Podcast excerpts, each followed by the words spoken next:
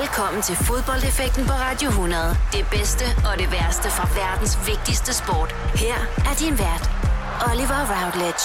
I feel glorious, glorious. Velkommen til denne uges udgave af Fodboldeffekten, programmet, hvor I vi snakker om minder. Minder, som kan forankre en person til et vist sted, med nogle visse personer, og som skaber den glæde og eufori, som kun fodbold det kan.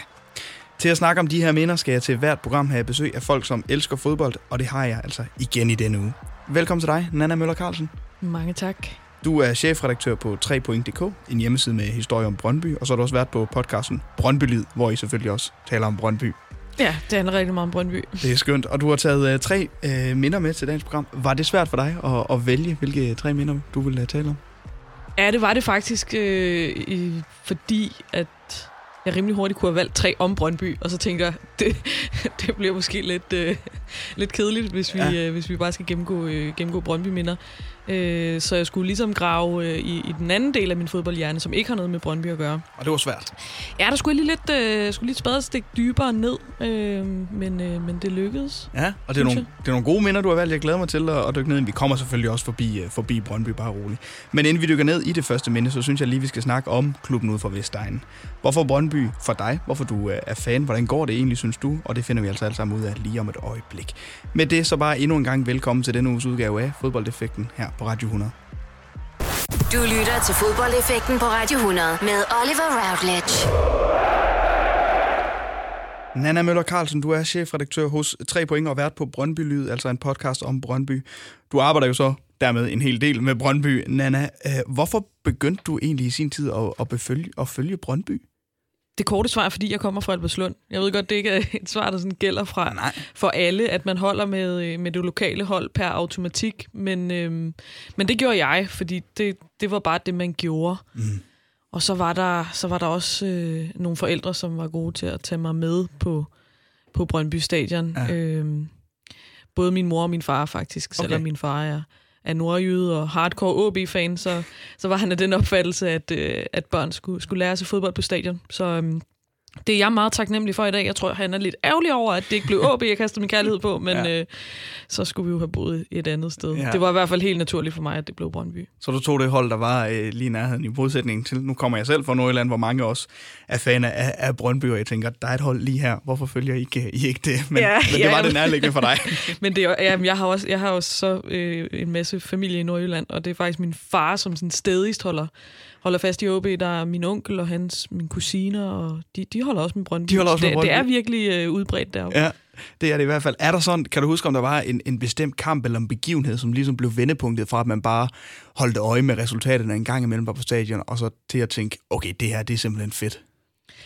Ja, jeg kan, jeg kan specielt huske, da Mads Jørgensen han scorede til 1-1 inde i, i parken mm. i år 2002 er det, så jeg, jeg er vel jeg er 10-11 år på det her tidspunkt, så jeg er ikke super gammel, men, men jeg husker det som et af de øjeblikke, hvor jeg blev fanget af fodbolden på mere end det er bare underholdningsplan, ja. men på det der følelsesmæssige plan, som, som fodbold kan fange en på og fastholde en i resten af ens liv.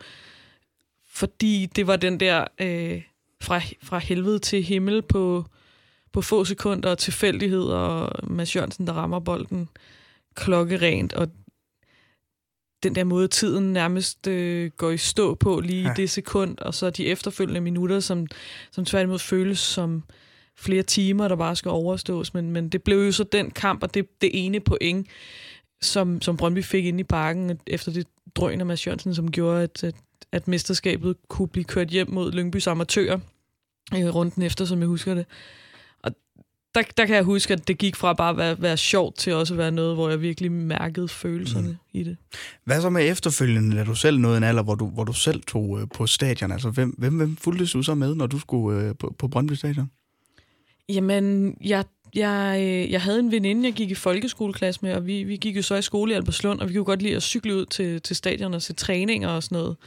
Øhm, og det var, det var i de år, hvor Michael Laudrup kom ind som, som cheftræner, ja. og øh, der begyndte jeg selv at tage på stadion lidt. Jeg så stadigvæk med mine forældre øh, derud nogle gange, men havde også hende veninde der, som hun var helt tosset med Thomas Kalenberg, kan jeg huske. øh, og vi cyklede derud sammen, og det var igen det, det, der, det, det, der fantastisk, når man støtter et lokalt hold, at det er så nært, og ja. så, så tæt. Jeg kan huske, det, det, det var lidt grænseoverskridende i starten egentlig, at man bare kunne tage sin lille cykel efter skole og køre ud, og så stå og snakke med Michael Laudrup ude på bane 2. Altså, det var, det var sådan lidt, det var, det var ret stort.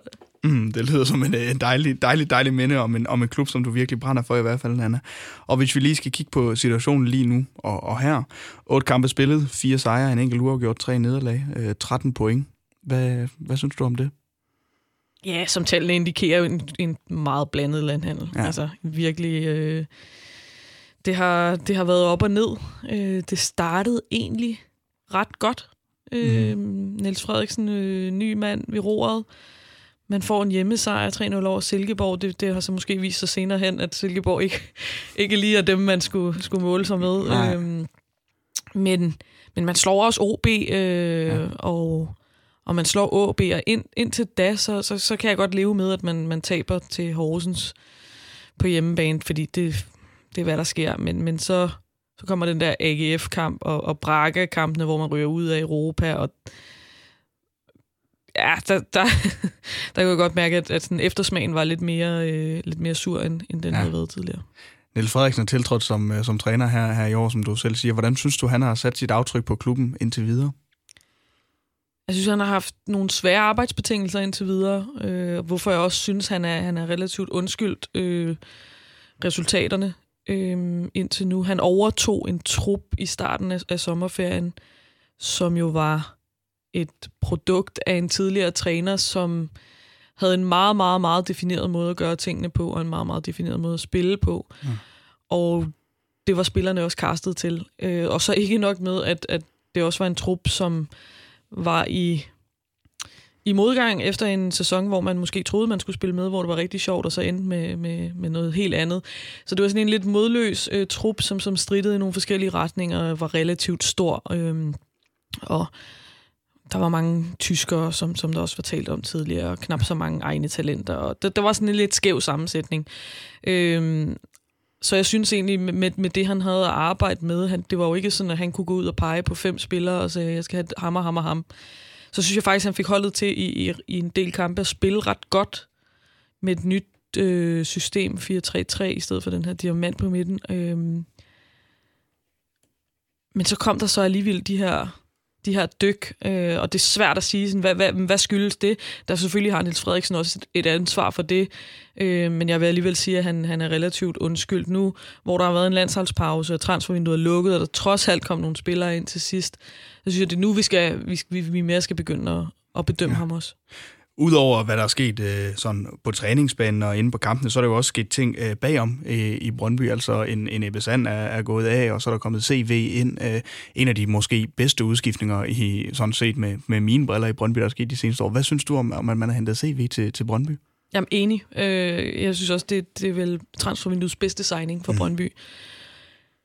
Måden det skete på var... Øh, nu siger jeg det mildt sagt, meget uheldig. Ja. Øh, det, var ikke, det var ikke et kønt forløb, og det, det var ikke noget, som, øh, som nogen, der har, har den mindste sympati for Brøndby, synes var ret sjovt at følge, fordi det er jo ligegyldigt, hvem det er, men, men særligt en mand som Ebbe Sand, dybt sympatisk, øh, måske fejlkastet til den rolle, han var i. Ja. Men det var, forløbet var, var uskyndt. Øh, men når det så sker, og så må man også komme videre, og det, det synes jeg, man, man sådan relativt hurtigt har forsøgt og lykkedes med ude i Brøndby. Og CV er bare CV. Øh, så han er jo bare gået, gået ind og, og, og gjort det, som, som han gør, og det synes jeg, han gør øh, rigtig godt. Jeg synes, han passer, han passer fremragende ind til Brøndby med sådan en åben, ærlig og meget direkte kommunikationsform. Det kan jeg godt lide. Og så derudover så har han også været ude og sige, at jamen, en ting, vi skal fokusere på, det er masterclass, det er Brøndbys egne talenter. Igen, udefra set noget, som jeg, jeg ser på med, med, med dejlige og glade, øh, glade øjne, fordi jeg synes, det klæder Brøndby igen at, at vælge de her spillere. Nu har vi selv nævnt, der var en periode, der var mange tyskere i truppen og så videre. Øhm, men når du følger en klub som Brøndby, som du har gjort i mange år, og er så passioneret omkring klubben, er det så ikke også skønt at se de her masterclass-spillere komme op og, og slå igennem også, altså score mål og ned mod sydsiden og hvad ved jeg? Jo, helt sikkert. Jeg sidder for gåsehuden, når ja. du bare siger det, fordi jeg ser jo øh, Jobbe for mig ned mod sydsiden, øh, da han scorer sit første mål mod OB. Det er da fantastisk, fordi det, der, det er en, en kæmpestor øh, del af vores identitet på Vestegnen. Mm. Det er jo... Øh, I 90'erne var det jo danske spillere, også klubben bygget på, øh, og man, man kunne også se, at Brøndby var jo leverandør til, til det danske A-landshold i rigtig mange år. Øh, er det på sin vis stadigvæk, hvis man tager startopstillingen mod Georgien for eksempel, er der jo mange Brøndby-udviklede spillere, de har bare ikke noget at slå igennem på Brøndbys første hold, så det er jo det der, du siger med, nu ser vi dem faktisk også få debut, score mål, slå igennem, og det er jo det, vi også gerne vil, øh, fordi det betyder så meget, at man kan identificere sig med de her spillere. Men derudover så er der jo også blevet hentet, hentet andre spillere til klubben i løbet af transfervinduet. Det har ikke, det har ikke været helt stille på Brøndby. Hvordan synes du, transfervinduet var for, for Brøndby her i, i sommer? Havde du spurgt mig 14 dage inden det lukkede, så havde jeg, øh, så havde jeg sagt, at det var en, et rigtig dårligt transfervindue. Ja. Øh, men, men CV er også kendt for at godt at kunne lide nogle, øh, nogle scenehandler, og, øh, og han hentede jo tre spillere nærmest i den sidste uge, og så mm. Andreas Maxø her efter ja. transfervinduet er lukket. Så det, det er fire spillere, der er kommet ind relativt sent. Øhm, og der vil jeg sige, at han har adresseret de problemer, der var i truppen. Brøndbys fans har jo skrevet på nye midterforsvar i tre år nærmest efterhånden, uden at få nogen. Ja. Øhm, nu har man fået to nye, plus øh, en tredje i Anton Skipper fra egen avl. Øhm, og man har fået sendt, øh, sendt Paulus Arderjudy og Benedikt Rykker videre. Så, så jeg synes, det problem endelig er blevet adresseret. Øhm, og så har man valgt at hente Johan Larsson øh, hjem på højre bak, selvom man egentlig har dækket godt nok ind der, så kan jeg sagtens forstå, ja. at man gjorde det. Øhm, fordi der er også nogle andre mekanismer i spil, end lige at få det numerisk til at gå op. Der er også noget med, med lederegenskaber, og ja. hvem går forrest, når det brænder på, og det, det gør Johan. Øhm, og så forsøgte man at gardere sig mod et salg af Kamil Vilcek ved at hente en, øh, en angriber ind. Han er sådan det største spørgsmålstegn af de her signings, synes jeg, øh, hvilken rolle han kommer til at spille. Men, øh, men en spændende øh, ung gut, og så øh, Maxø på en fri transfer. Øh, det er jo, altså... Som CV sagde, og som Nils Frederiksen også sagde, det, var, det, var, det er sådan en mulighed, man ikke kan sige nej til. Ja. Det er jeg enig i. Det var, det var nok ikke en del af planen, men da den bød Står han der så... og banker på, så, øh, så er det ikke, fordi man beder ham om at gå igen. Nej, det er det i hvert fald ikke. Nu nævnte du Johan Larsson, en, øh, en, en tidligere anfører for Brøndby, i hvert fald mand, der har båret anførerbindet øh, de seneste stykke tid. Det er jo Kamil Vilcek, en mand, som man også har formået at beholde i klubben. Muligvis øh, den bedste signing i transfervinduet, hvis man kan sige det, at han, han bliver i Brøndby, for han er, han er garant for mål. Det er han, og ja. han, altså, vi elsker Vilcek. Ja. Altså, nej, men jeg kan huske, at han kom til klubben, det er vel, hvad er det, tre et halvt år siden, eller sådan noget. Han var lidt, øh, lidt småtyk, altså på, på sådan en, øh, ikke ligesom øh, du og jeg kan blive, men, men sådan, hvor man godt kan se en fodboldspiller, som ikke lige har spillet så mange kampe, som, mm. øh, som, som han måske burde, og du kan sikkert også huske det der med, at vi talte om Vilcek og alle hans grimme mål, og han scorede kun med anklen og skinnebenet, og hvis han blev ramt på hoften eller sådan noget. Ikke?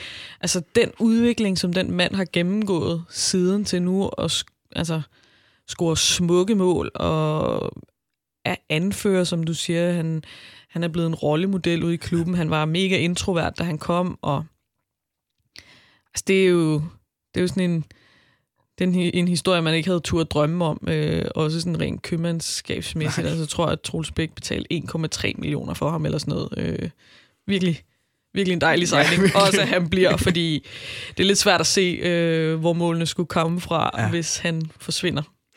Hvor skal Brøndby slutte i år, før du tænker, det har været øh, en, en godkendt øh, sæson? Uh, den er svær. Den er svær. Altså, jeg vil ikke være, jeg vil ikke være alt for konservativ og bare sige, at vi skal snige os med i top 6, fordi det, øh, det, det bør vi være for gode til bare lige at skulle snige os mm. med i. Omvendt synes jeg også, der er nogle andre hold i Superligaen, som, som har oprustet og ser gode ud. Altså OB øh, så vi også sidste år. Øh, OB i år, rigtig spændende hold. Øh, FC Midtjylland og FCK giver sig selv, og så er der sådan nogle hold, som, som, som måske lige pludselig kan sammensætte en stime, kan Sønderjyske sammensætte en stime, så, så, så kan de også snige sig med derop. Mm. Så, så jeg synes det er svært, fordi øh, kigger jeg på Brøndby's hold, så burde de være gode nok til en 3. 4. plads. Ja. Øhm, men, men der skal heller ikke ret meget til, for at det hedder 5. 6. plads. Øh, men jeg vil sige, minimum 4. plads vil være acceptabelt, synes jeg. Det synes jeg er fair at sige. Og det bliver spændende at se, om de kan indfri de forventninger. Nana, der er heldigvis stadig masser af runder tilbage af 3F øh, Superligaen i år, og vi har en masse fodbold at glæde os til endnu. Lige om lidt, så skal vi snakke om det første minde, du har med. Vi skal en tur til Spanien og snakke om Sevilla Derby i 2017.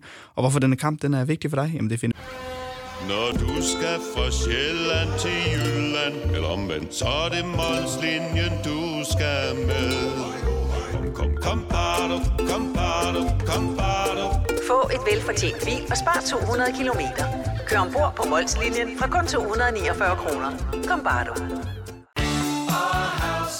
Bauhaus får du nye tilbud hver uge. Så uanset om du skal renovere, reparere eller friske boligen op, har vi altid et godt tilbud. Og husk, vi matcher laveste pris hos konkurrerende byggemarkeder. Også discount byggemarkeder. Bauhaus. Altid meget mere at komme efter. Er du på udkig efter en ladeløsning til din elbil.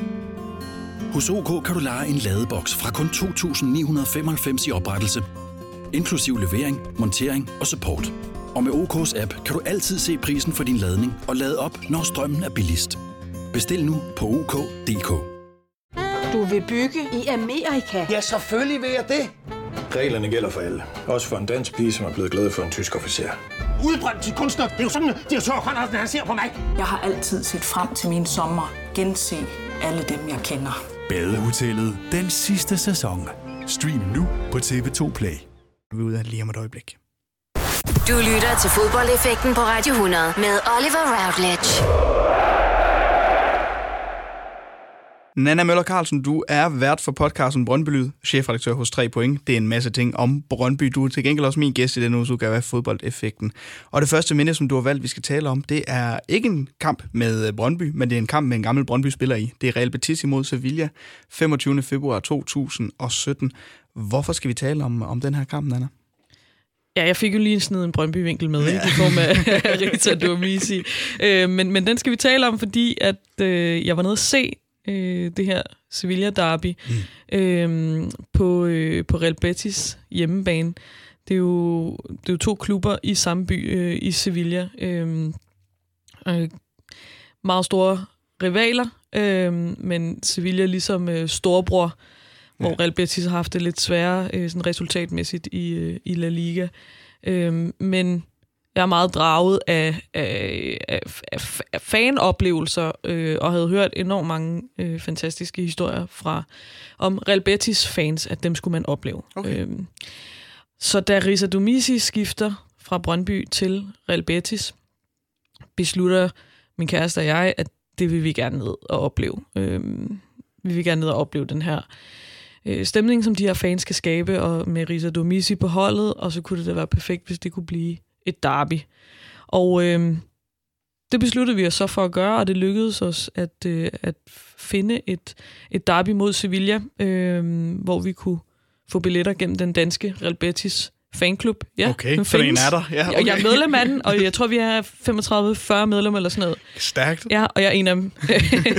så, øh, men, men det kan klart anbefales, altså hvis man gerne vil ned og se øh, Real ja. Betis, øh, så fordi de, der, der kommer du ikke til at betale overpris for billetter øh, eller noget, og der, der styr på tingene. den officielle øh, fanfraktion. Okay, glimrende. Så det var derfor, du var dernede for at, at, at, se den her kamp. Men, og så var du dernede sammen med din kæreste, siger du? Ja, og en kammerat. Og en kammerat.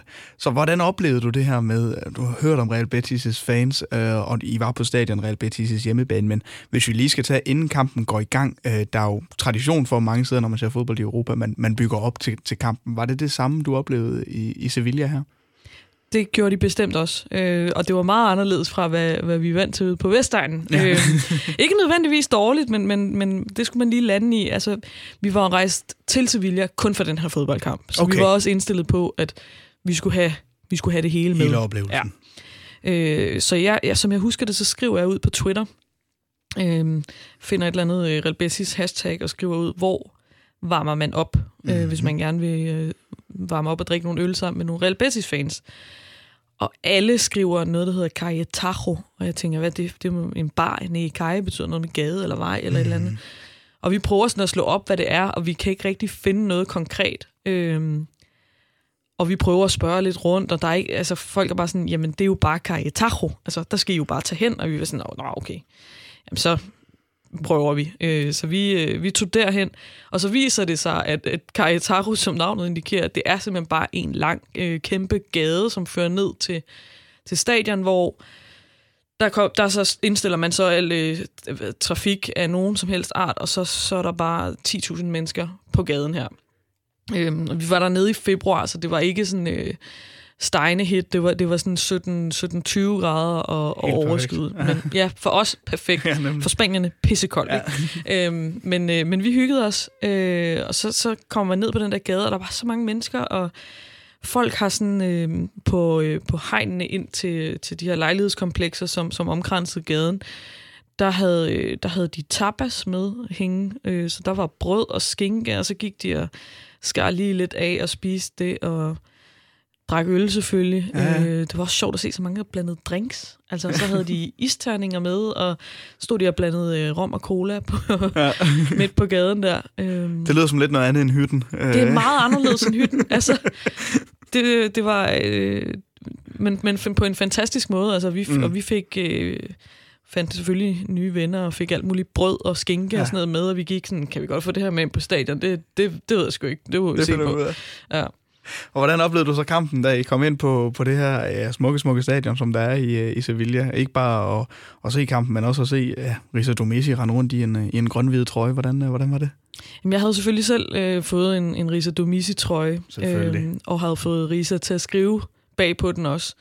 Øhm, og der var mange, der var sådan interesseret. Hvorfor kommer man hele vejen fra Danmark for at se Real Betis? Øhm, så vi, vi faldt i snak med ret mange, og den der trøje åbnede op for ret mange snakke, fordi de var ret glade for Risa dernede, øh, mm. ind, indtil han så røg ud af holdet. Men, men i den her periode var de meget, meget begejstrede for, for Risa. Han var blevet en, en lille publikumsfavorit dernede. Øhm, der var lige, det, det var lidt ærgerligt, de, de var ved at ombygge stadion, da vi så Okay. øh, derbyet her, så der var ikke nogen udebanefans. Det ærgerede mig lidt. Jeg Ja, ville, det er lidt skam. jeg ville gerne have oplevet den der øh, intense derby-stemning. Så, så der var sådan hele nede bag det ene mål, der var ikke nogen tribune. Mm. Det, var, det var lidt ærgerligt. Det var lidt, en flad fornemmelse. Ja, det var, det var lidt anti, antiklimaks, men, øh, men resten af det her stadion er jo, som du siger, helt fantastisk. Øh, og jeg kan huske, der hvor de fik mig første gang, der de, de har sådan en sang, de synger, øh, ligesom ja. You'll Never Walk Alone på Anfield. Og jeg kan ikke synge den, for den er på spansk, og øh, jeg, kan ikke, jeg ved ikke, hvad den hedder. Øh, men det var bare så højt. Altså, ja. Og det var bare alle, alle, alle sang med og stod op og scrollede. Altså ikke noget med, at man sådan, ligesom når vi sidder i, i kirken til bryllup, og man sådan mumler lidt med på en salme. Altså det var lungernes fulde kraft, der blev taget i brug. Øhm, så det var, det var ret intenst at opleve, at man sad der blandt Real Betis fans. Oplevede du, at de her spanier øh, var mere, eller ikke, måske ikke mere, men, men passionerede på en anden måde, end hvad vi ser herhjemme, når, når vi går til fodbold, øh, når de ligesom tager til kamp? Er det, en anden, er det en anderledes måde at følge sit hold på? Ja, yeah, både og. Altså, fordi det, det, altså, alle mekanismerne er jo de samme, mm. synes jeg. Der er nogle, der er nogle, øh, der er nogle forskelle sådan inde på selve stadion, øh, hvor øh, man sidder og spiser fuglefrø, for eksempel. Meget. Ja, det er rigtigt. Det har jeg det, godt hørt. Ja. det, det var sådan lidt underligt for mig, men okay, det, det kan også være, at de kommer til Brøndby Stadion og synes, det er underligt, hvis folk sidder og spiser popcorn. Altså, Ja. det...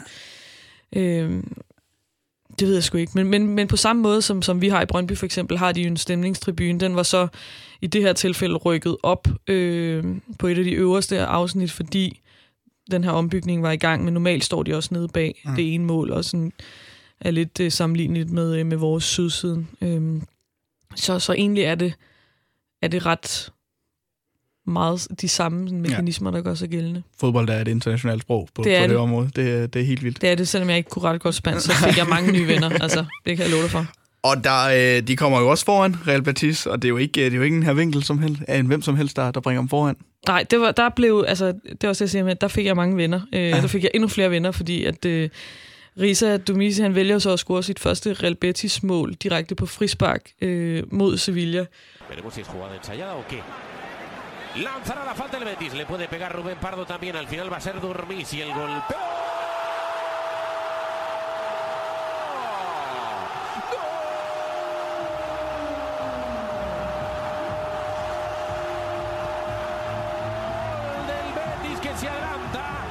Vi er jo selvfølgelig helt ekstatiske, jeg tror nærmest ikke på det. Altså, jeg sådan, Risa har, han har fucking scoret. Altså, what?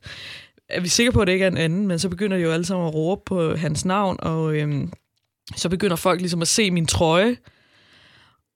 Og så går det endnu mere amok. Altså, vi får nærmest sådan en, øh, en flyvetur ned, et par rækker ned i, øh, i jublen der, fordi folk var helt op at køre. Øh, og som jeg husker det, så, øh, så, så Betty så foran ved pausen. Øh, mm. Og øh, der går vi så ned for at, øh, at, at proviantere lidt, og øh, der skal alle hen og kysse min trøje, fordi de, den, den bringer held, tror det. øhm, fordi der stod øh, Risa, og Risa havde skrevet på den. Så, øh, så der, der, der skulle jeg lige sådan lægge noget øh, sådan intimsfære fra mig, ja. og bare acceptere, okay, der er masser af nu er jeg allemands ej lige pt, fordi den her trøje, den, øh, den kan de godt lide. Han, de ender jo desværre så, så med, at ja, Sevilla ender med at vinde kampen 2-1, så der må, øh, ja, måske lidt, lidt mindre god stemning i anden halvleg. Men Risa, han er jo sådan en, han er en rigtig i Brøndby-dreng, sådan for mig at se. Han er ikke bleg for lige at komme med en hurtig kommentar heller. Og det synes jeg jo øh, er dejligt at se, når han spiller ikke helt er så, så stiv i det. Hvad er han for en øh, karakter, Risa Domisi, og, og hvad betød han også for, for Brøndby, da han var der? Jamen, du siger det helt rigtigt. Han er jo bare en Vestegnsdreng. Mm. Øh, Risa er fra Ishøj, og... Øh, hans historie i, i Brøndby var jo, at jo, Risa var et stort talent, øh, men måtte jo også øh, på et tidspunkt i sin øh, udvikling om bag køen, hvor han blev overhalet af, Patrick da Silva. Ja. Og det var ligesom der, øh, tror jeg, at Risa tog skeen i den anden hånd og var øh, og blev endnu mere gær, endnu mere professionel, end, end han måske var i forvejen. Øh, og, øh, og da Daniel Akker så kom hjem til Brøndby øh, i de år, hvor Risa stadig var i klubben, der så jeg en Risa, som bare spejlede sig i, i den her øh, leder og, øh, og tog det til sig, når han snakkede, og når han sagde noget, eller hvis han gav god råd. Bare kiggede på ham og spejlede det, han gjorde. Hvad havde gjort, at, at Akker var nået til, mm. hvor han var. Øhm, så, så han blev super professionel, men uden at miste sin Vestegnskant. Altså uden at miste den der ishøj-gnist, som, som jo også er Risa Dumisi, som du siger, en kick-bemærkning, eller glemt i, det der glemt i øjet og kaste et håndtegn og være ja. lidt, øh, lidt Vestegns fræk. Ja. Lige en story på, øh, på Instagram, når FCK ryger ud af Champions League eller et eller andet. Præcis, altså uden at miste det der. Øh, ja, så han blev ikke sådan fodboldspiller kedelig, han blev bare... Han, det gik bare op for ham, hvad, hvad det krævede at nå dertil, hvor han gerne ville nå. Ja, og det har han i den grad gjort, og det må jo også være en fornøjelse for en, en person som dig, som har fulgt Risers udvikling og har oplevet ham spille i Betis, og så se, hvordan hans, hans ligesom, karriere ude i fodbold-Europa bliver ved med at gå den rigtige vej. Ja, nu må vi håbe, han, nu skal han lige til at have lidt mere spilletid nede i, i Lazio. Mm. Øh, der var lidt snak om, at han skulle videre i det her transfervindue. Øh, det kom han så ikke. Så nu må han jo bare igen vise, at han kan, kan tage skeen over i, i den anden hånd og, øh, og kæmpe sig tilbage. For det har han i hvert fald gjort før. Det er jo en voldsom kamp at komme ind til, tænker. Nu siger du så, at der ikke er, der ikke er udebanefans til den her kamp på Real Betis Stadion, men, men den første Real Betis-kamp, man, man fanger, er simpelthen et, et derby. Hvordan var, for nu holdt de selvfølgelig med de her Real Betis-fans, stemningen til Sevilla-fansene, der så ikke var der, men, men var der et had til, til, til dem på en eller anden måde? Ja, det var der, det var der klart. Altså, det, det snakkede vi meget med folk om, og de, de kunne, de kunne godt... Øh, de kunne godt lide at fortælle historien om, hvordan Sevilla var den her arrogante øh, ja. lidt snobbet klub, og de ligesom var de arbejderne, eller hvad man kan sige. Øh, så man kunne godt mærke det. Ja. Øh, men, men, men det, som folk faktisk havde endnu mere travlt med, det var, at de, de har jo også haft øh, en, en tidligere øh, dansk landsholdsmålmand i Stefan Andersen i Real Betis. Han var langt fra en succes, Nå, og det okay. blev der heller ikke lagt fingre imellem. Altså, den historie fik vi en øh, 48 gange noget af forskellige fans, hvor dårlig Stefan ja. Andersen han havde været. Men det er også sjovt, når det er, man er i udlandet, og specielt et, et sted som Spanien, og de finder ud af, you from Denmark, yes, ah yes, Stefan Andersen, eller sådan noget. altså. Ja, og jeg, jeg, jeg kunne ikke engang huske, at han havde været der. Var sådan, han spillede her? Nå, ja, ja okay. Ja. Ja, men vi er heller ikke så glade for, at han er skiftet ind til FCK. Så. men fodbold øh, i Spanien, er det sådan en, en generel anbefaling fra, fra din side af? Øh, var det en god oplevelse? Helt sikkert, det var det. Altså, ja. jeg har ikke været inde og se øh, andre kampe i Spanien, så jeg kan slet ikke øh, tale for, øh, hvordan det er at se Barcelona og Real Madrid for eksempel. Det tror jeg også er helt fantastisk. Måske på, på en lidt anden måde, fordi det var ikke så meget sådan selve fodboldkampen. Vi kom ikke for at se uh, Messi. Altså, jeg kunne sagtens finde på at tage til kampen af for bare at se Messi. Ja. Øh, men, men det her var ligesom fanoplevelsen, og den var sgu autentisk, synes jeg. Altså, den der måde. Men det kræver også, at man skal også gå til det med et åbent sind, og du skal bare vil ja. tale med folk, og øh, altså på med trøjen, og ja, så, så kan man virkelig få en fed, autentisk oplevelse ud af det. Og det synes jeg, vi fik. Det lyder det i hvert fald til, og I har haft, og det var altså det første minde, som du havde med i øh, programmet denne uge, Anna, altså Sevilla der derbyet mellem Real Betis og Sevilla. Det er den 25. februar 2017. Og om et øjeblik, så skal vi faktisk snakke om mere fodbold i udlandet, nemlig Colombia. Vi kommer rundt til nogle forskellige steder, og vi taler også om det lige om et øjeblik. Er du selvstændig, og vil du have hjælp til din pension og dine forsikringer? Pension for Selvstændige er med 40.000 kunder Danmarks største ordning til selvstændige. Du får grundig rådgivning og fordele, du ikke selv kan opnå. Book et møde med Pension for Selvstændige i dag. I Føtex har vi altid påsken små og store øjeblikke. Få for eksempel pålæg og pålæg flere varianter til 10 kroner. Eller hvad med skrabeæg 8 styk til også kun 10 kroner. Og til påskebordet får du rød mal eller lavatserformalet kaffe til blot 35 kroner. Vi ses i Føtex på Føtex.dk eller i din Føtex Plus-app. Haps, haps, haps. Få dem lige straks. Hele påsken før, imens billetter til max 99. Haps, haps, haps. Nu skal vi have... Orange billetter til max 99. Rejs med DSB Orange i påsken fra 23. marts til 1. april. Rejs billigt, rejs orange. DSB, rejs med. Haps, haps, haps. Vi har opfyldt et ønske hos danskerne. Nemlig at se den ikoniske tom skildpadde ret sammen med vores McFlurry. Det er da den bedste nyhed siden nogensinde. Prøv den lækre McFlurry tom skildpadde hos McDonald's. Du lytter til fodboldeffekten på Radio 100 med Oliver Routledge. Nana Møller Carlsen, du er chefredaktør hos 3 Point og vært på podcasten Brøndby og min gæst i denne uge. Og det andet minde, som du har taget med, det handler om, om fodbold i Colombia. For snart et, et års tid siden, det var i november 2018. Det her, det lyder enormt spændende, og jeg har mange spørgsmål. Men, men hvad i alverden lavede du i, i Colombia? Lad os, lad os starte der. Jeg var på ferie i Colombia. Okay, ja, denne gang var jeg ikke rejst øh, til Colombia for fodbold. Ej, men jeg skulle lige... Nej, det var jeg ikke. Øh, Jeg var på ferie i Colombia. Min lillebror boede derovre. Og øh, jeg tænkte, hvis jeg skal nå at se det her land, som han har fortalt mig så meget om, så skal jeg rejse derover, mens Ja. han stadig er der. Han læste, øh, han læste derovre på okay. universitetet. Så det var, det var baggrunden for at rejse derover. Det var bare grund for at, at komme der til. Så du, du var der for at, at besøge din lillebror, og, og hvad var det for et land, du kom over til der? Øh, det er jo også lidt et, øh, et, en kulturschok, kunne jeg forestille mig. Ja, altså jeg har aldrig været i Sydamerika før. Okay. Øh, så, Nu starter øh, du også hårdt ud. Ja, altså det var øh, direkte ned i, øh, i Medellin, som er den næststørste mm. by i, i Colombia.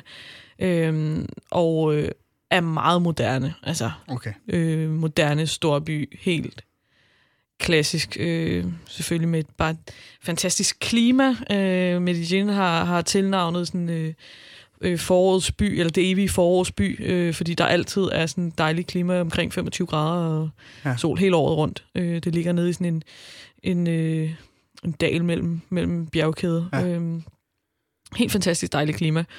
Øh, og der, øh, der, der tilbragte vi meste af vores, øh, af vores tid.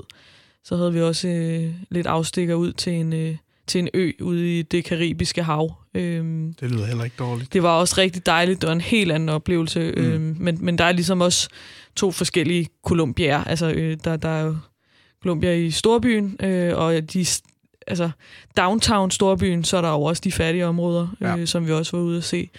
Øhm, og så er der landet, hvor Ja. Det er igen er noget helt tredje. Noget helt tredje, ja, det kunne man, øh, det kunne man forestille sig. Men øh, ingen, ingen tur til Colombia uden fodbold for dig, eller hvad?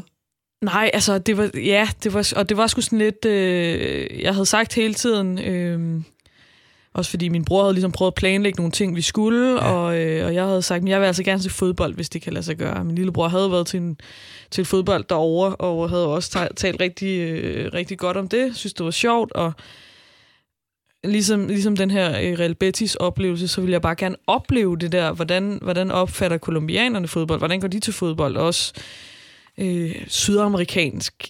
Altså generelt, det er jo, altså vi har jo set billeder fra Boca Juniors og sådan noget fra Argentina, ja. ikke? Øhm, Og det, lad mig sige, det kan godt være sagt med det samme, det var ikke, det var ikke samme, det var ikke en Boca Juniors oplevelse, men jeg ville bare gerne opleve det der. Øhm, så var der så det problem, at, at de har en anderledes turneringsstruktur i, i Colombia. Øhm, Okay. De spiller en form for, for slutspil, øh, hvor de spiller semi, kvartfinaler, semifinaler og finale. Øhm, og det slutspil var de så i gang med, da vi var derovre. Øh, så vi, var, vi kunne ikke være sikre på, ligesom, at der ville være en kamp i byen, når, øh, mens vi var der. Okay. Fordi det var sådan noget, de skulle lige gå videre først, det der hold fra, fra Medellin. Øh, der, der er to hold, øh, rival, to øh, hold, der er meget øh, rivaler, som deler stadion. Meget specielt. Okay. Øh, men, men de skulle lige øh, independe, øh, independiente, Ja. ja. undskyld, Medellin, som, som vi skulle ind og se. Øh, de var stadigvæk med, og de skulle lige gå videre, og så skulle de i øvrigt også lige trække hjemmebane først, fordi ellers så var vi ude i det karibiske hav øh, og ligger solos på en ø og sådan noget. Så, der, så jeg havde egentlig lidt skudt en hvid pil efter, at, ja. at det blev til noget, og så havde vi som lille plaster på såret aftalt, okay, men så kunne det være sjovt at komme ud og se øh, den fodboldklub, hvor Rames Rodriguez øh, trådte sine øh, barnefodboldstøvler. Ja.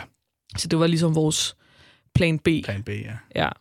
Men så, øh, så lykkedes det jo så for Independiente at trække hjemmebane i den rigtige uge. Det var sådan dagen inden vi skulle hjem. Men, øh, Perfekt. Ja, det lykkedes. Og hvad var det så en kamp, I, I kom ind og se, og hvordan oplevede du den dag, I var der? Jamen, vi havde, øh, vi havde faktisk en, en helt fantastisk guide med, der hed, øh, hed Anna. Det var en af mine, øh, min lillebrors veninder, ja. som er meget stor fan af Independiente.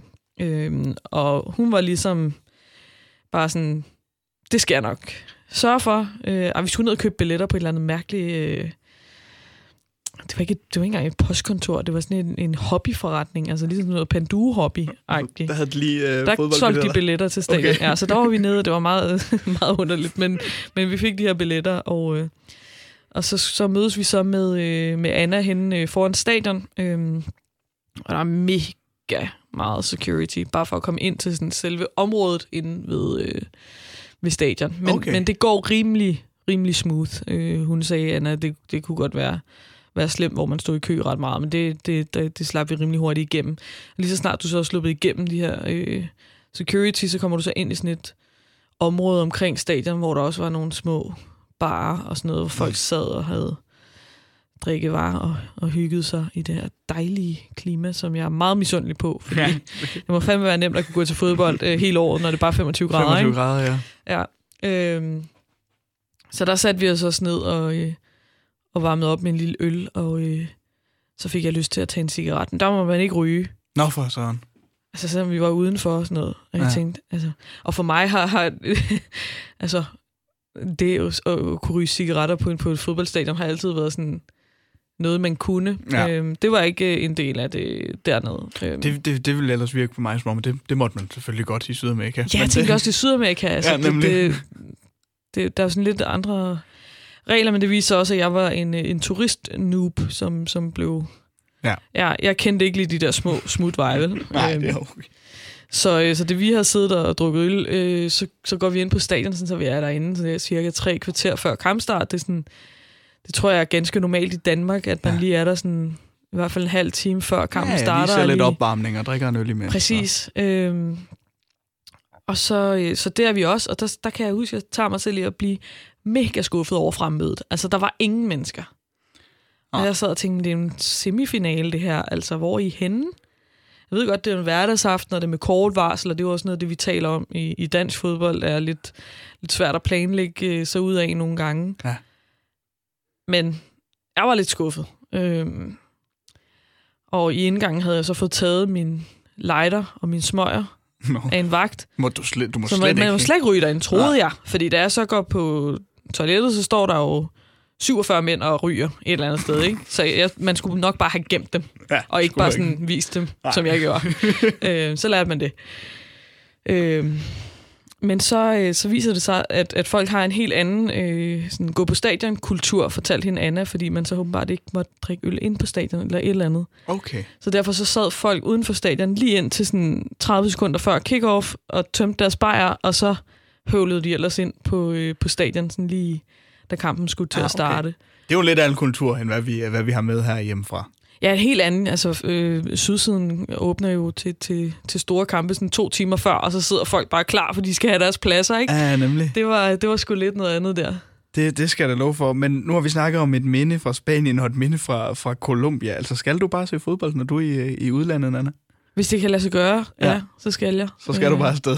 Ja, det, det er noget, som først er kommet sådan i de senere år, hvor jeg begyndte også at, altså, at interessere mig endnu mere for fankultur mm. og sådan noget. Men nu synes jeg, fordi det er, det er så det er så unikt og forskelligt fra, fra sted til sted, fra by til by, og høre folk fortælle de her mærkværdige historier, som findes øhm, i, i alle fodboldklubber. Det elsker jeg. Altså det, det er ligesom at, at se en, en, en gammel flot kirke for mig. Det er at se øh, det lokale fodboldstadion. Ja. Jeg rigtig gerne med kamp og fans på.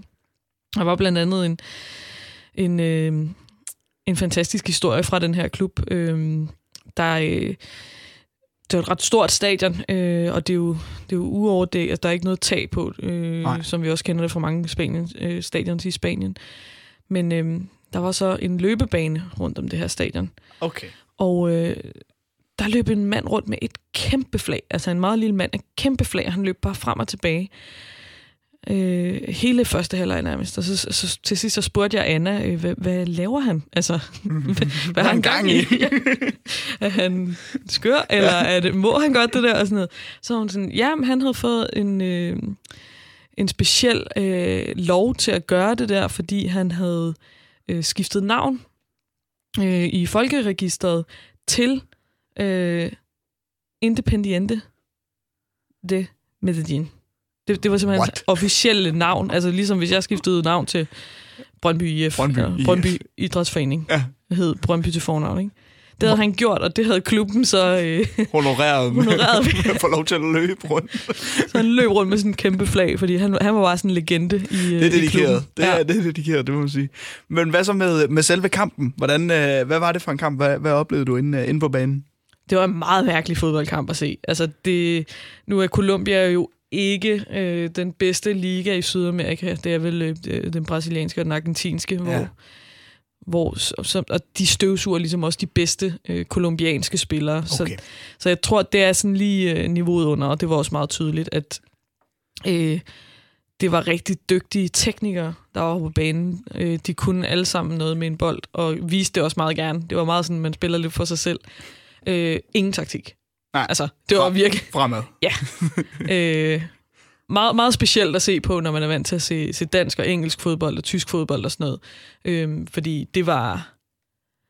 Ja, det var, det var, der var ikke meget øh, taktisk forståelse. Øh, ikke mange angriber, som, som kunne finde på at hjælpe deres midtbane i et pres Nej. eller noget. Øh, det var det var ret specielt. Øh, men vi fik et, et helt forrygende, fantastisk langskudsmål fra øh, Medellin-holdet. Okay. Altså fuldstændig vanvittigt. Øh, jeg har nærmest aldrig set noget lignende. Jeg kunne bare huske, at vi sad og skreg nej, da det var, han begyndte at lægge an til at skyde. Og så, altså vi snakker nærmest fra sådan midt på, på banehalvdelen, øh, Jesus ude i Christ. venstre side, efter et indkast, hvor den bare lige bliver lagt ind til ham, og så begynder han bare at skyde, og så tænker vi bare, hvad laver Hvad har du gang i? Og så tordner han den bare op i hjørnet. Altså fuldstændig vanvittigt mål. Det, Øh, Men de endte med at tabe til sidst, så jeg, jeg er åbenbart ret... Øh, Du er ikke et lykke, Jeg bringer lykke maskot, nej, Nej, når det er det jeg du sgu ikke. i udlandet at se. En af de grunde til, at jeg godt kunne tænke mig at se fodbold i Sydamerika, det er også, at for mig der virker det som om, at spillerne i klubben har en eller anden altså nærmest guddommelig status for fansene, at man virkelig elsker de spillere, der spiller for klubben, når de så skifter, så, så mister man også en del, men, men når de er i klubben, så er det virkelig bare nogen, man ser op til. Var det noget, de oplevede, øh, at, at de 11 spillere fra Independiente Medellin, der rendte rundt derinde, de var de største, der var? Ja, det, det ved jeg så ikke rigtigt, om jeg, om jeg oplevede på den måde. Altså, der var, der var en af dem, som virkelig havde kultstatus, okay. stjernestatus. Ja. Han var ligesom stjernen. Men jeg tror også i og med, at man lige er det der lag længere nede, øh, og måske kommer også spillerne og går de lidt oftere end, øh, end andre steder. Det, det skal jeg ikke kunne sige. Men, men det der med, at når man, man kunne godt mærke på dem, at når de virkelig har en god spiller, så er han Gud. Altså, det var en argentiner, en argentinsk angriber dernede, som de alle sammen bare var. Okay. Altså, han var, han var Gud. Ja. Øhm, og han spillede virkelig dårligt den gang, jeg så, så jeg kunne slet ikke forstå det. Men øh, ja, så kunne jeg så se ugen efter, der, øh, der sparkede han dem så i finalen, fordi selvom de tabte på hjemmebane, så vandt de faktisk udekampen, som gjorde, at de, de kom Så i de finalen. kom i finalen. Og Ja. hvordan gik det så? Fulgte du med det? Der tabte de. Der tabte de. Ja, Nå, ja. der tabte de. Øhm, men, øhm, men ja, men de har også bare en helt anden øh, sådan stemningsskabende kultur. Igen, det var, det var min, øh, min gode guide Anna, som, som forklarede, at de har jo sådan et, det, det, kender man, det kender man også fra andre sydamerikanske klubber, at de nærmest har sådan en helt band, der spiller, Ja. hvor på sydsiden har vi ligesom nogle trommer, og så er det ja. det, der, der danner gruppen, og så står vi bare og synger. Øh, og de har jo nogle længere sange, nogle mere melodiske sange, måske i, i Sydamerika. Øh, helt fantastisk, når der virkelig er vokal på. Men der er jo også øh, nærmest trompeter, og øh, altså, det er jo sådan en high school band nærmest, øh, der, der marcherer rundt på tribunen og frem og tilbage og sådan noget. Og Anna sagde, at det var simpelthen øh, det største prestige at komme med i det her band. Ah. Øh, altså folk går til optagelsesprøver, og ja. Ligesom at være cheerleader på Ja. et amerikansk fodboldhold. Eller Ja. ja. Andet. ja. Det, det var virkelig stor prestige. Jeg skulle lige vende mig til, at det var sådan, men, men igen, det, det ændrede ikke på, at når der blev sunget igennem, og når der blev sunget højt, så var det jo helt magisk, altså. Ja. Hvad med det her med øh, klubben og byen? Noget du at, at, at få en fornemmelse af den tid, du var der, eller, eller fik det forklaret, hvad? Nu var der, var det to hold, der var i, i Medellin, men hvad klubben betød for byen, fordi Medellin er en, er en flot storby, men det er også en fattig by mange steder. Øhm, har man fodbolden i Colombia samt, på samme måde, som man har det i, i nogle andre fattige lande? Ja, altså det, det var jo et sted, som, som var for alle. Og igen, så fik jeg lidt forklaret det der med, at, at National, som er det andet øh, hold i byen, og dem, som Medellin øh, Independiente rivaliserer med, ja. og som deler stadion med. Altså helt Ja, er absurd mærkeligt. tanke, at Brøndby FCK skulle dele stadion, for eksempel. Men det er ligesom San Siro, ikke? I, i Italien. Jo.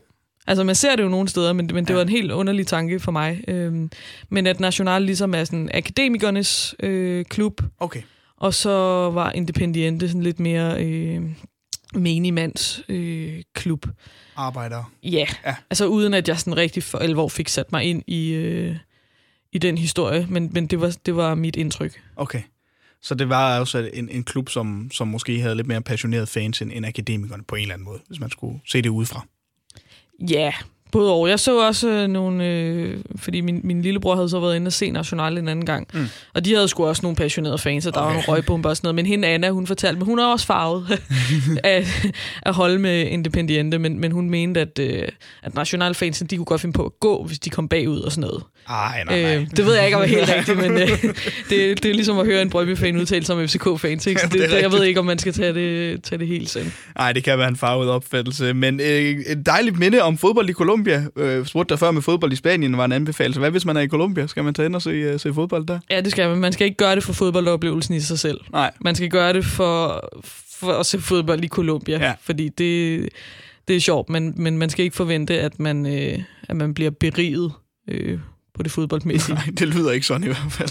Det var det andet minde, du havde med her til programmet, Nanne Møller Carlsen. Altså fodbold i Colombia i november 2018 og se Independiente Medellin på hjemmebane. De, øh, de tabte, men gik videre til finalen øh, den her omgang. Om et øjeblik, der skal vi tilbage til øh, egen andedam. Vi skal på dansk græs. Vi skal snakke om øh, Brøndby imod FCK i april 2018.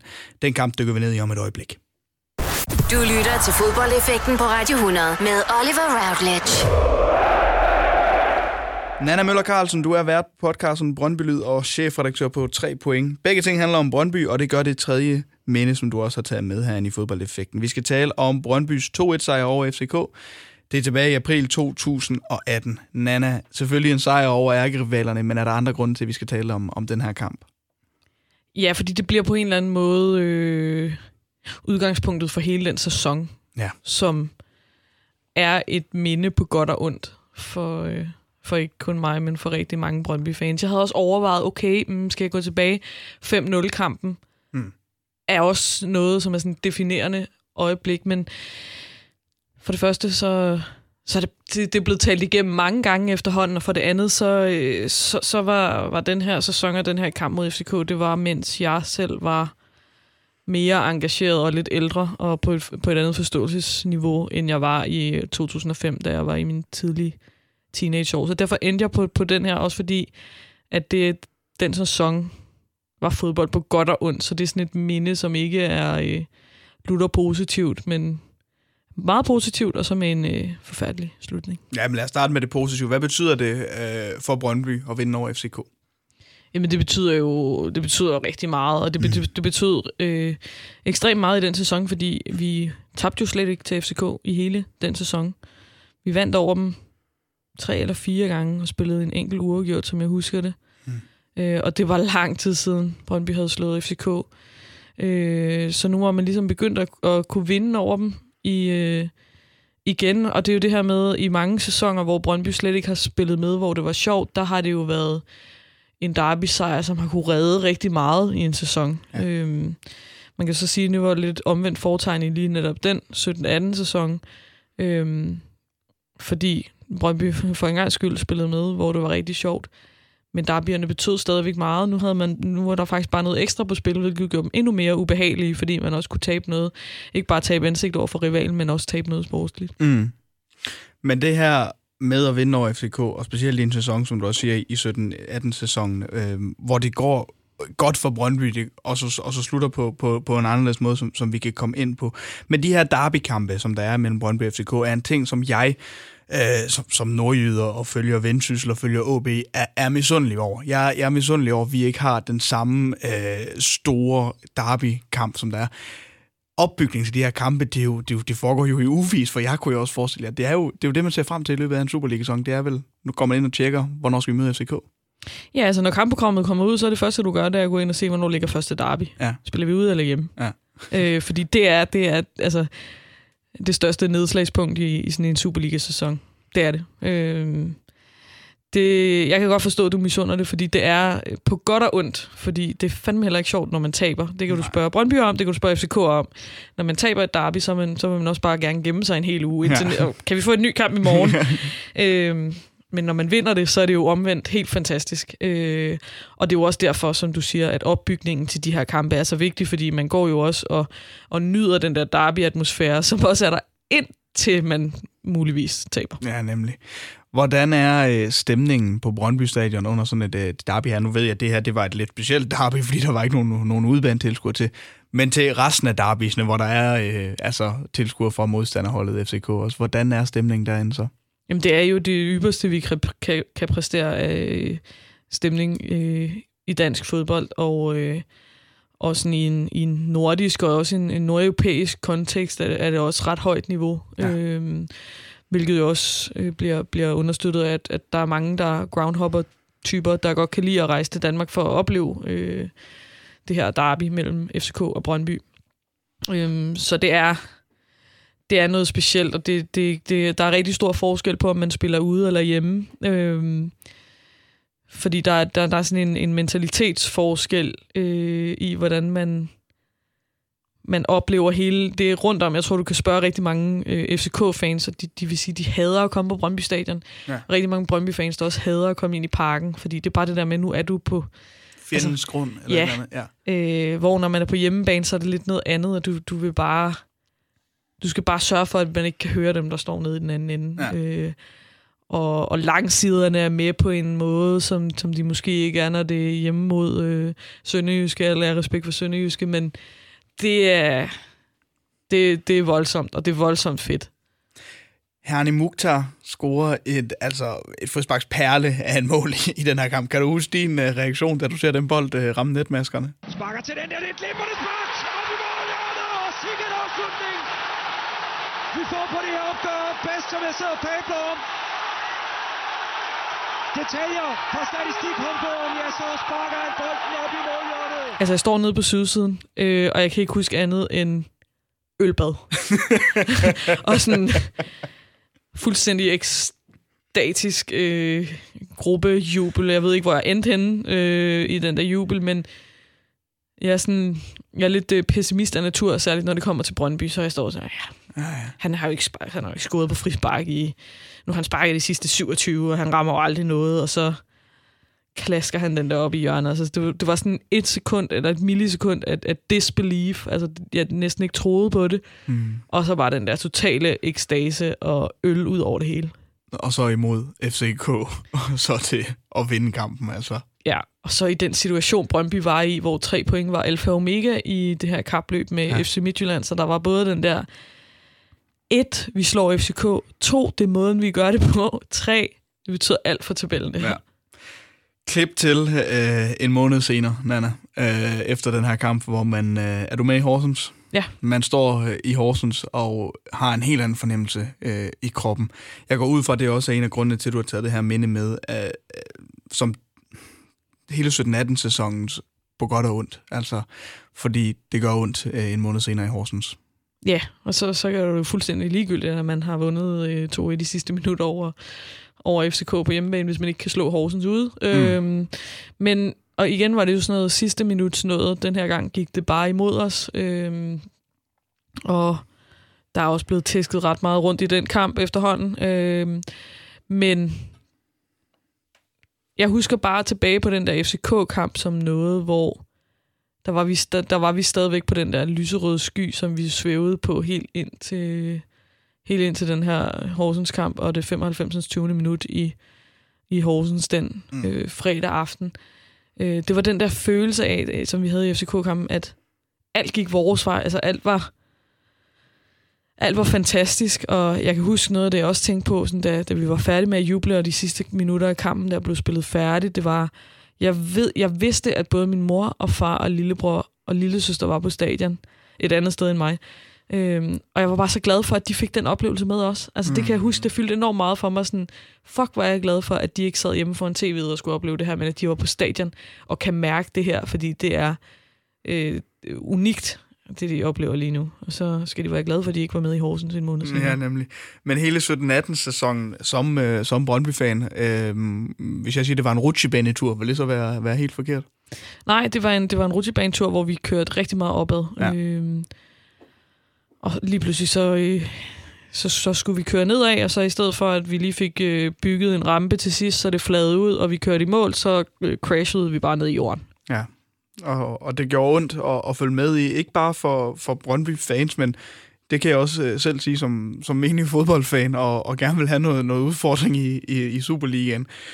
Uh, det, det, det var ikke sjovt at, at følge med i, uh, og det kunne jeg slet ikke forestille mig, at det var som, som Brøndby-fan heller. Nej, det var voldsomt. Men, uh, men en mand, som jo ligesom var, skal man sige, styrmanden bag den her uh, sæson, uh, tysk træner, Alexander Sorninger, uh, vil jo stadig tænke tilbage på, for mig i hans tid, den her, selvfølgelig, man vinder pokalen også, og, og det er dejligt, men hans øh, eftermæle i Brøndby virker til, på trods af, at man ikke fik det mesterskab, man havde håbet på, til at være godt. Ja, det synes jeg også, det er. Det synes jeg også, det skal være, fordi jeg er altså sådan helt personligt er ham evigt taknemmelig for alle de oplevelser, vi netop fik i løbet af den sæson. Det var mm. blandt andet den her 2-1 sejr hjemme mod FC København. Det var også 1-0 sejr hjemme mod FC København, hvor det også var i minut 89, man scorede det afgørende mål. Det var første derby-sejr på udebane i 10-11 år. Øh, det var øh, Hertha Berlin-kampene året inden. Øh, det var mindeværdige sejre ude mod FC Midtjylland, nede 2-0, vinder 3-2. Øh, nogle... Øh, altså magtdemonstrationer på udebane mod AGF øh, 7-0, alt det her, alle de oplevelser, dem, dem er jeg øh, Sorniger og hans øh, overfaldsfodbold meget taknemmelig for. Ja. Men hvad havde det gjort for Brøndby, og for Alexander, måske ikke smart men hvad havde det gjort for Brøndby, hvis man havde vundet det her mesterskab i 17-18? Ja, det er jo, det er jo altså det, er det, der er så voldsomt svært at give om, ikke? men han, manden havde jo været udødelig. Altså hvis han havde udvidet dobbelt mm. til Brøndby. Øh, ja. At rejse en statue af ham. Ja, jeg, jeg har slet ikke lyst til at tænke på det, fordi nu er vi her, og jeg har lige siddet i, starten af programmet og talt om, øh, om fjerdepladser og sådan noget, ja. ikke? Øhm, og, øh, og ny træner og ny sportsdirektør igen igen og sådan noget. Altså, det er jo, det er jo svært at gisne om, øh, om, om de ting var sket uagtet. Øh, ja. Det kan man måske godt sige, at nogen af dem var, og jeg tror heller ikke, at, at Alexander Sorniger havde haft en, en, øh, en sådan evighedsholdbarhed i, i Brøndby, fordi modstanderne blev også dygtigere til at indstille sig på at spille mod det her Brøndby-holdet, mod den her spillestil og sådan noget, men det er klart, havde han vundet det dobbelt, altså så er det svært at argumentere mm. mod, men...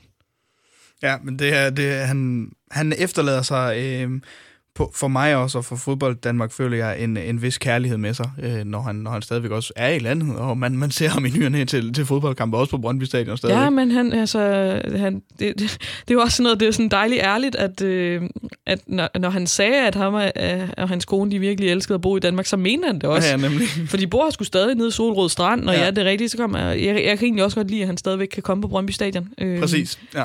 Altså selvom manden blev fyret. Mm. Øh, det er ret sjældent, synes jeg alligevel, ja. at man, man ser det. Men var jo også hele vejen igennem sin trænerkarriere en mand, der udviste enorm klasse, øh, synes jeg i hvert fald, og når man fulgte med i det. Så ja. det virker også til, at, at han, han, han accepterer de ting, der sker, og, og kommer videre. Jeg kunne godt tænke mig lige hurtigt at vende, øh, hvordan man har det eller du har det, men, men Brøndby generelt, med FCK sådan i, i det daglige virke, fordi det er klart, de her derbis, der ønsker man dem alt muligt, øh, og man fyrer skammer, og jeg ved ikke hvad. Men når FCK de spiller hver, hver weekend, er det også så sådan, du ønsker, at så skal de fandme tabe? Eller kunne du godt tænke dig, der var noget konkurrence, så du ønsker måske ikke helt, de taber hver Forstår du, hvad jeg mener? Altså. Ja, det tror, det tror jeg godt. Øh, og, og jeg kommer med sådan et mega kedeligt politikersvar nu, ikke? fordi jeg arbejder, jeg arbejder så meget med Brøndby, at alt mit fokus er på Brøndby. Ja. Øh, så, så det er ikke engang, det er ikke engang noget, jeg bare siger for at være, være kedelig, men jeg følger ikke ret meget med i ja. sådan øh, hvordan FCK lige spiller, medmindre det er, fordi Brøndby skal spille mod dem i weekenden, så bruger jeg det som, som forberedelse mm-hmm. til at kunne, øh, at kunne sige noget klogt om, øh, om den kommende kamp forhåbentlig. Ja. Øh, men øh, altså, om jeg går og håber, de taber, altså...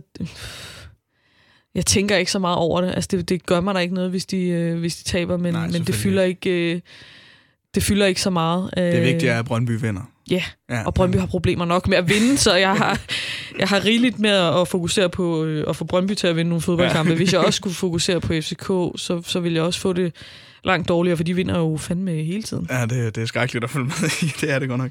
Men de vandt altså Brøndby her den i april 2018. 2-1 mod FCK, takket være et ja, dejligt, spektakulært frisparksmål fra Hani Mukhtar. Og det var det tredje minde, som du har med i programmet, Nana Møller Carlsen. Tusind tak for det. Du lytter til fodboldeffekten på Radio 100 med Oliver Routledge. Med de tre minder, altså sevilla darbet i 2017, fodbold i Medellin og Colombia i 2018 og Brøndbys 2-1-sejr over FCK, det var i foråret 2018. Så er vi nået til vejs ende med denne uges udgave af programmet. Nana Møller Carlsen, tak for dine minder og fordi du havde tid til at komme herind og fortælle mig om dem. Det var så lidt. Fodboldeffekten på Radio 100.